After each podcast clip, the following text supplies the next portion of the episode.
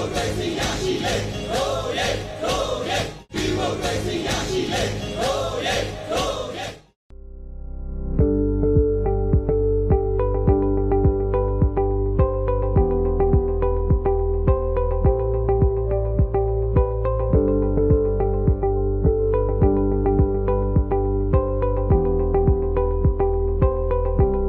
င်္ဂလာပါရှင် Public Voice Television PVTV ရဲ့တွဲဆောင် မေးမြန်းခန့်အစီအစဉ်ကနေကြိုဆိုပါရရှင်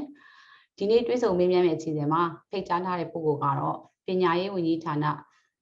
ဒုဝန်ကြီးဦးဆိုင်ခိုင်မျိုးထွန်းဖြစ်ပါရရှင်ဆရာမင်္ဂလာပါရှင်ဟုတ်ကဲ့မင်္ဂလာပါမင်္ဂလာပါဟုတ်ဟုတ်ကဲ့ပါအခုတွဲဆောင်မေးမြန်းအခန်းအစီအစဉ်မှာ2021ခုနှစ်ဧပြီလ16ရက်နေ့ကစပြီး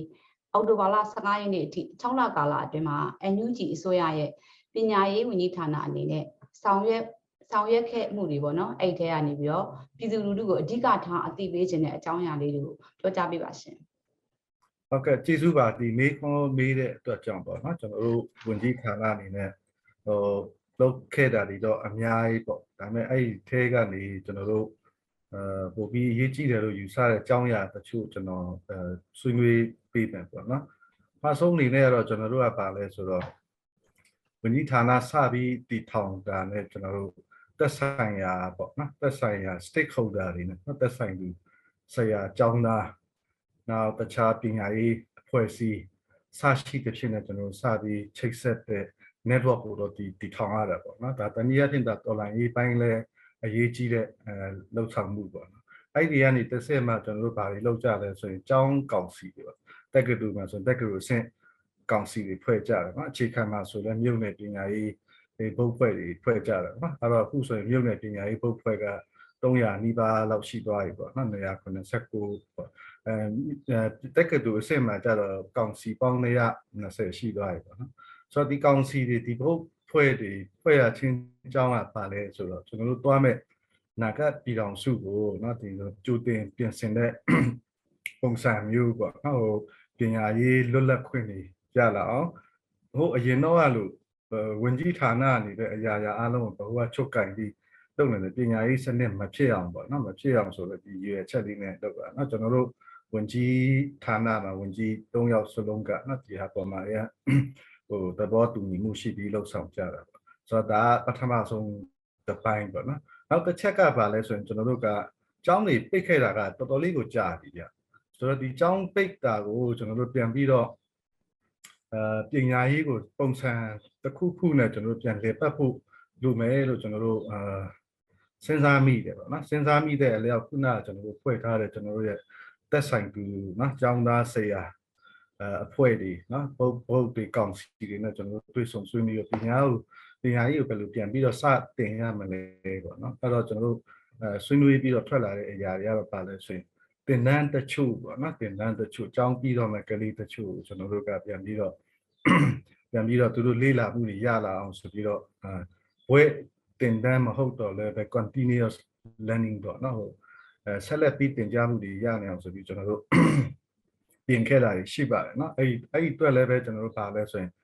နိုင်ငံတကာမှာရှိတဲ့ပညာရှင်တွေကိုလည်းကျွန်တော်တို့ချိတ်ဆက်ပါတယ်နော်အဲ့တော့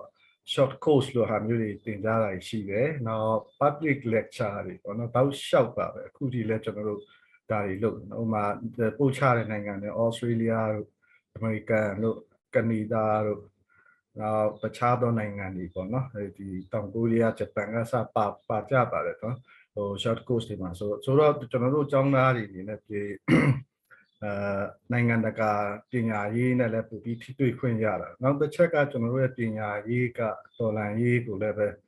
ထိခိုက်မှုမရှိစေလို့ဆောင်မှုဖြစ်ဖို့လဲလိုရဆိုတော့ အဲအကြောင်းအရာကျွန်တော်တို့ရှိပါတယ်เนาะဒီချက်ပေါ့ခံယူချက်လည်းကျွန်တော်တို့ထားထားတာအဲ့လိုမဖြစ်အောင်လည်းကျွန်တော်တို့အဲလုပ်ခဲ့တယ်ပေါ့အဲ့တော့ဒီ6လကာလအတွင်းမှာတင်ကြားရေးလုပ်နောက်တိတ်မကြခင်မှာကျွန်တော်တို့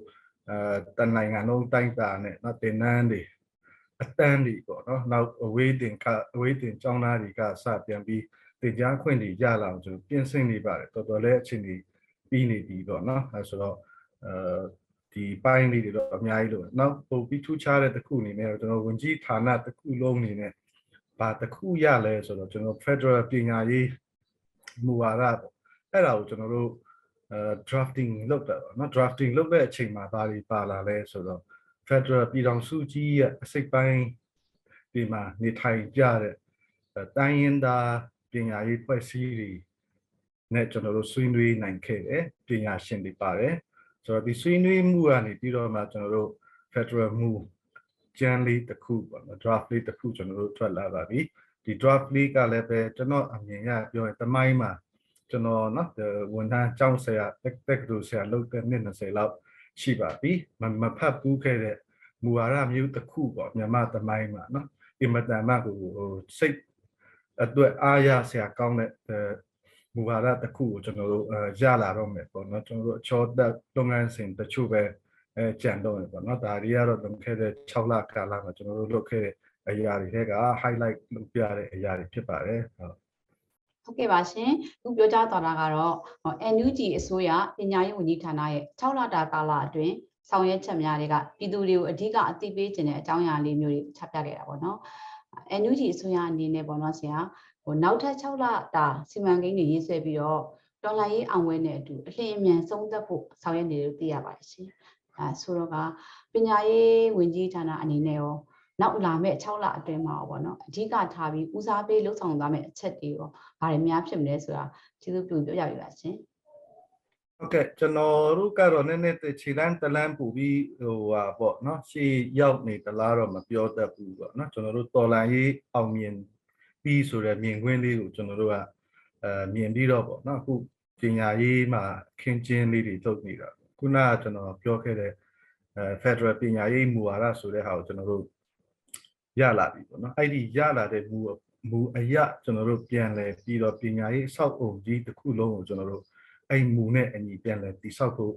အဲလောက်ကြတယ်ပေါ့နော်ဥပမာခါတိုင်းတုန်းကတော့ဟိုမှာနော်ပညာရေးဝန်ကြီးဌာနတစ်ခုလုံးကတနိုင်ငံလုံးကိုလမ်းညွှန်မှုတွေပေးတဲ့မူဝါဒတွေချတယ်ဆိုတဲ့ဟာမျိုးကိုကျွန်တော်တို့ကပြောင်းပြောင်းပြန်သဘောနည်းကိုလန်တော့မှာပေါ့နော်အဲ့တော့ကျွန်တော်တို့ရဲ့ပညာရေး structure က bottom up လို့ခေါ်တယ်နော်အောက်ခြေကနေတက်လာမဲ့နော်ဒီအဲပညာရေးဆောင်ရွက်မှုမျိုးတွေဖြစ်လာတော့မယ်ပေါ့ဥပမာအားဖြင့်ကျွန်တော်တို့ အဲပြည်နယ်တွေမှာဆိုရင်လည်းသူကျောင်းအဆင့်ကျောင်းအဆင့်ကနေမြို့နယ်အဆင့်မြို့နယ်အဆင့်ကနေပြည်နယ်အဆင့်အစားအစာအဆင့်ဆင့်ကိုယ်စားလှယ်တွေပညာရှင်တွေသက်ဆိုင်ရာတိုင်းသားအဖွဲ့တွေနဲ့သူပါလာကြတော့မယ်ပေါ့နော်ဒီလိုမျိုးအနေထားနေတာအဲ့ဒီကနေတစ်ဆင့်မှာကျွန်တော်တို့အဲ Federal အဆင့်ပညာရေးဌာနဆိုတာရှိရှိမှာပေါ့နော်အခုဆိုရင်ကျွန်တော်တို့ဒီစင်းမြင့်ပညာရေးအနေနဲ့ဆိုရင်စင်းမြင့်ပညာကော်မတီကိုအဲ့ဒီလမ်းကြောင်းနဲ့ညီညွတ်တဲ့ပုံစံမျိုးကျွန်တော်တို့ တိဆောက်ဖို့ကြိုးစားနေပါနောက်တစ်ပိုင်းကတော့ပါလဲဆိုရင်အခုနောက်ဒီ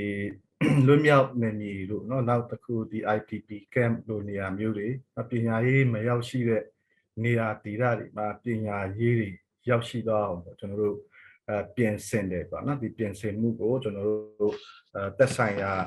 ခုနပြောတဲ့ကျွန်တော်တို့ကောင်စီတွေဘုတ်အဖွဲ့တွေနဲ့အဲပူးပေါင်းပြီးလုပ်နေတယ်လို့တစ်ဖက်ကလည်းပဲကျွန်တော်တို့ဒီအုပ်ချုပ်ရေးပိုင်းပေါ့နော်မြို့နယ် အဲမြို့နယ်ပြည်သူ့အုပ်ချုပ်ရေးဖွဲ့တွေနဲ့ပညာရေးကဏ္ဍကနော်ပူးပေါင်းနိုင်အောင်ကျွန်တော်တို့စုအဲလုပ်နေတာလေးတွေရှိပါတယ်ဆိုတော့ဒါကကျွန်တော်တို့ကြိုတင်ပြင်ဆင်တဲ့ပိုင်းနောက်တစ်ချက်မှာကြတော့ကျွန်တော်တို့အစင်းမြင့်ပညာကတော့เนาะကျွန်တော်တို့စစ်ခေတ်ဆက်ဆက်ကအာနော်တော်တော်လေးကိုချုပ်ပြီးမှုတွေအောက်ပြီးလာတာပေါ့အဲ့ဒီဟာကိုကျွန်တော်တို့ပြန်ပြီးတော့အာဖြည့်ဖို့အတွက်ဆိုတဲ့အတွက်ကြောင့်တက္ကသိုလ်ကောင်စီတွေကိုပေါ့နော်ဒီအဲသူတို့ရဲ့ဒီ governance ပုံ governance ကိုနော်ဒီ governance ကိုဟိုအားဖြည့်တဲ့အဲနော်ဒီလုပ်ငန်းစဉ်တွေကျွန်တော်တို့လုပ်ပါမယ်လုပ်တဲ့အချိန်မှာလည်းကျွန်တော်တို့ရဲ့တိတဲ့အတိနည်းနည်းလေးနဲ့ကျွန်တော်တို့လုပ်တာမျိုးမဟုတ်ပဲနဲ့နိုင်ငံတကာကအတိအမြင်တွေကိုလည်း live ဖက်မဲ့ပုံစံလေးတွေဖြစ်အောင်ကျွန်တော်တို့စူးစမ်းပြီးတိဆောက်ကြမှာပေါ့နော်ကောင်စီပေါင်း200ကျော်ရှိတဲ့ပုတ် အဖွဲ့ပေါင်းကလည်းအများကြီးပေါ့နော်ဆိုကျွန်တော်တို့နိုင်ငံတစ်ခုတိဆောက်ရင်เนาะအုပ်ချုပ်မှုသဘောတရားတွေလို့ပေါ့လို့ပညာရေးဝန်ဆောင်မှုလုပ်ငန်းတွေလုပ်တဲ့ချိန်မှာလည်းပညာရေးနဲ့ဆိုင်တဲ့ governance ပေါ့နော် administration ဆိုင်ရာကိစ္စတွေအများကြီးရှိပါတယ်เนาะအဲ့တော့ကျွန်တော်တို့ထပ်တိုးလုပ်ရမှာကနိုင်ငံတကာချိတ်ဆက်မှုတွေလည်းအများကြီး ထပ်တိုးလုပ်ဖို့ရှိတယ်เนาะဒီဟာတွေလောက်ရချင်းရဲ့ရည်ရွယ်ချက်ကရှေ့မှာကျွန်တော်ပြောလို့ပညာရေးကိုကျွန်တော်တို့တဆင့်မြင့်ထပ်ပြီးတော့เนาะဟိုရှေ့ရှေ့လျှောက်လာမှာလုပ်ခဲ့တဲ့ဟာကိုနောက်ထပ်တဆင့်မြင့်နှစ်ဆင့်မြင့်ကျွန်တော်တို့လုပ်နေအောင်ကြိုးစားတာပေါ့အဲ့ဒါကိုလည်းပဲကျွန်တော်တို့အဲတ သက်ဆိုင်ရာနော်သက်ဆိုင်ရာကျောင်းသားသမဂ္ဂတွေဆရာသမဂ္ဂတွေကလည်းပဲကျွန်တော်တို့ပြန်ဆွေးနွေးတာမျိုးရှိတယ်ပေါ့နော်အဓိကကမိဘပြည်သူတွေရဲ့စိုးရိမ်ချက်တွေကိုနော်သူတို့တာသမီရဲ့ပညာရေးစိုးရိမ်ချက်တွေကိုမစိုးရိမ်ရအောင် ကျွန်တော်တို့ဘက်ကလည်းပဲနော်ဟိုပြည်သူစိုးရပေးရနေတယ်အဲဝင်ပညာရေးဝန်ဆောင်မှုတွေပေးနိုင်အောင်ပေါ့နော်အခြေခံအစင်းမြင့်နောက်တစ်ခုထူးခြားတာကနောက်ထူးခြားတယ်လို့တော့မဟုတ်ပါဘူးအရင်အရင်ပြည်သူစိုးရလက်ထက်မှာလဲနော်ဒေါအောင်ဆန်းစုကြည်ပြောခဲ့သူတဲ့တက်မွေးပညာကဏ္ဍကိုလည်းပဲကျွန်တော်တို့အားဖြည့်လုပ်နေတယ်ပေါ့နော်ဒါမျိုးလေးတွေကကျွန်တော်တို့တကယ်ကိုနော်ကျွန်တော်တို့စနစ်တကျနဲ့အဲတိဆောက်နေတာဖြစ်တယ်အဲ ခုနပြောသူတို့ကတစ်ဖက်ကလည်းကျွန်တော်တို့ရဲ့ဒီလိုတိဆောက်နေမှုကြောင့်လည်းပဲကျွန်တော်တို့ဆရာဆရာမ CDM တွေအားလုံးပေါ့နော်ကျောင်းသား CDM တွေအားလုံးကပါလဲဆိုရင်အဲ motivation တွေရှိကြပါတယ်เนาะကျွန်တော်တို့ပေါင်းစည်းမှုတွေရှိနေကြတော့ကျွန်တော်တို့တော်လန်ရေးကိုလည်းပဲအဲတစ်ဖက်တစ်လမ်းကထောက်ကူပြုသလိုအနာဂတ်နိုင်ငံတည်ထောင်ရေးမှာလည်းပဲကျွန်တော်တို့ကြိုတင်ပြင်ဆင်ပြီးသားသဘောဖြစ်တယ်ပေါ့နော်။နောက်ပညာရေးမှာကျတော့ကျွန်တော်တို့က CDM အင်အားကအများဆုံးပေါ့နော် CDM အင်အားအများဆုံးဆိုဆိုရတဲ့ကြောင့်ဒီ CDM အဲဆက်ဆံမဝန်ထမ်းတွေကိုကျွန်တော်တို့ပို့ပြီးတော့ထောက်ပံ့မှုတွေလုပ်နိုင်ဖို့အတွက်အခုနော်အခုဆိုရင်တော့ကျွန်တော်တို့ဆိုရအဖွဲ့အထဲမှာလည်းပဲ CDM နော်အောင်မြင်ရေးကော်မတီတွေရှိတယ်ပေါ့နော်ဒီကနေတဆင့်ကျွန်တော်ပညာရေးဝန်ထမ်းနဲ့ဆိုင်တဲ့ကိစ္စတွေလည်းပဲပို့ပြီးတော့ကျွန်တော်တို့နော်ဒီနဲ့တော်လန်ရေးမှာဆက်ပြီးပူပေါင်းဆောင်ရွက်နေနိုင်ဖို့ အဲနော်ဒီဖြစ်အောင်အာကျွန်တော်တို့ပို့ပြီးထောက်ဘယ်လိုပြောရမလဲနော်ပို့ပြီးအားကောင်းစေအောင်ကျွန်တော်တို့လုပ်လုပ်မဲ့အစီအစဉ်တွေရှိပါတယ်နော်ဟုတ်ကဲ့ပါဆရာအဲဆရာဟိုဒါဆိုလို့ရှိရင်ဟိုပညာရေးဝန်ကြီးဌာနအပေါ်မှာပေါ့နော်ဆရာဟိုပြည်သူတွေအနေနဲ့အားမလို့အားမရဖြစ်မှုတွေရောရှိခဲ့လို့ရှိရင်ဆရာဆရာအနေနဲ့ပေါ့ဘယ်လိုများရှင်းလင်းပြပြချင်ပါလဲရှင် ဟုတ်ကဲ့ဟိုအားမလို့အမရဥကတော့ရှိနိုင်ပါတယ်ပေါ့နော်။ဘာဖြစ်လို့လဲဆိုရင်ကျွန်တော်တို့ဝင်ကြီးဌာနတို့မဟုတ်ကျွန်တော်တို့အစိုးရအဖွဲ့ကိုယ်တိုင်ကအဲဒီဆောက်ထားတဲ့ကာလကလည်းအနေချင်းရှိတယ်ပေါ့နော်။ဒီမှာဥဆောင်နေတဲ့လူတွေအားလုံးကလည်းပဲပါလဲဆိုရင်နိုင်ငံကိုပူကောင်းစေခြင်းနဲ့စိတ်နဲ့နော်ဒီဆောက်နေတာဖြစ်တယ်။အားလို့အားမရမှုရှိတိုးတော်လည်းပဲဟို ကျွန်တော်တို့ကိုဝေဖန်ပုတ်ခတ်ရမယ့်ဒီအမလို့အမရမှုကတော့နဲတယ်လို့တော့ကျွန်တော်ယူဆရတယ်ပေါ့နော်ကျွန်တော်သိမတွေ့မိပါဘူးအဲဆိုအားလုံးကနားလည်မှုတွေနဲ့အဲနော်ဒီတိဆောက်နေကြနော်အခုဒီတော်လိုင်းရေးကြီးမှာအားလုံးကလက်သွဲညီကြမယ်ပေါ့နော်တယောက်ရဲ့တို့အချက်တယောက်အဖြည့်ပြီးသွေးပြီးအပြန်လန်နော်အဲထိန်းကြီးရင်ကျွန်တော်တို့တိဆောက်ကြမယ်ဆိုတော့စိတ်ရှိတဲ့အတွက်ကြောင့်ဒီတိတ်ပြီးတော့ က်ကြီးမားတဲ့အဲနော်ဝေဖန်မှုတော့တိတ်မတွေ့ရပါဘူးဟုတ်ကဲ့ပါဆရာနောက်ဆုံးအနေနဲ့လေဆရာဒီစစ်အာဏာရှင်စနစ်ကိုအမြင့်ပြတ်တွန်းလှန်နေတဲ့ကျမတို့ရဲ့ຫນွေဥတွန်းလှန်ရေးကိုဆရာအနေနဲ့ဘယ်လိုများသုံးသပ်ချင်ပါလဲရှင်ကျွန်တော်တို့ကတေချာပေါက်အောင်မြင်မဲ့နော်တော်လိုင်းရေးကြီးပါအခုကိုအောင်မြင်မှုတွေစရနေပါပြီအာနောက်တဲ့မီဒီယာတွေမှာလည်းအဲ တွေ့ကြမှာပေါ့နော်အထူးသဖြင့်ဘာကြောင့်အောင်မြင်ရမဲ့တော်လိုင်းရေးလို့ပြောရလို့ရှိရင်တမိုင်းမှာ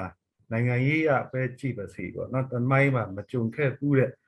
အဲသဘောတူညီမှုတွေပေါင်းစည်းမှုတွေကျွန်တော်တို့ရနေတာဥပမာ NUCC တို့အဖွဲ့မျိုးတွေပေါ်လာတယ်ဒါကတကယ့်ကိုပေါ့နော်တကယ့်ကို inclusive ဖြစ်တဲ့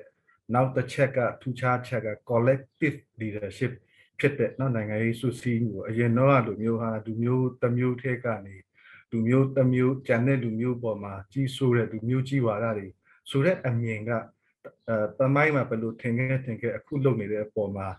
ခြေဖြတ်သွားနိုင်တဲ့အရာရှိတယ်ပေါ့နော်နောက်ပေါင်းစည်းမှုတွေလည်းပဲ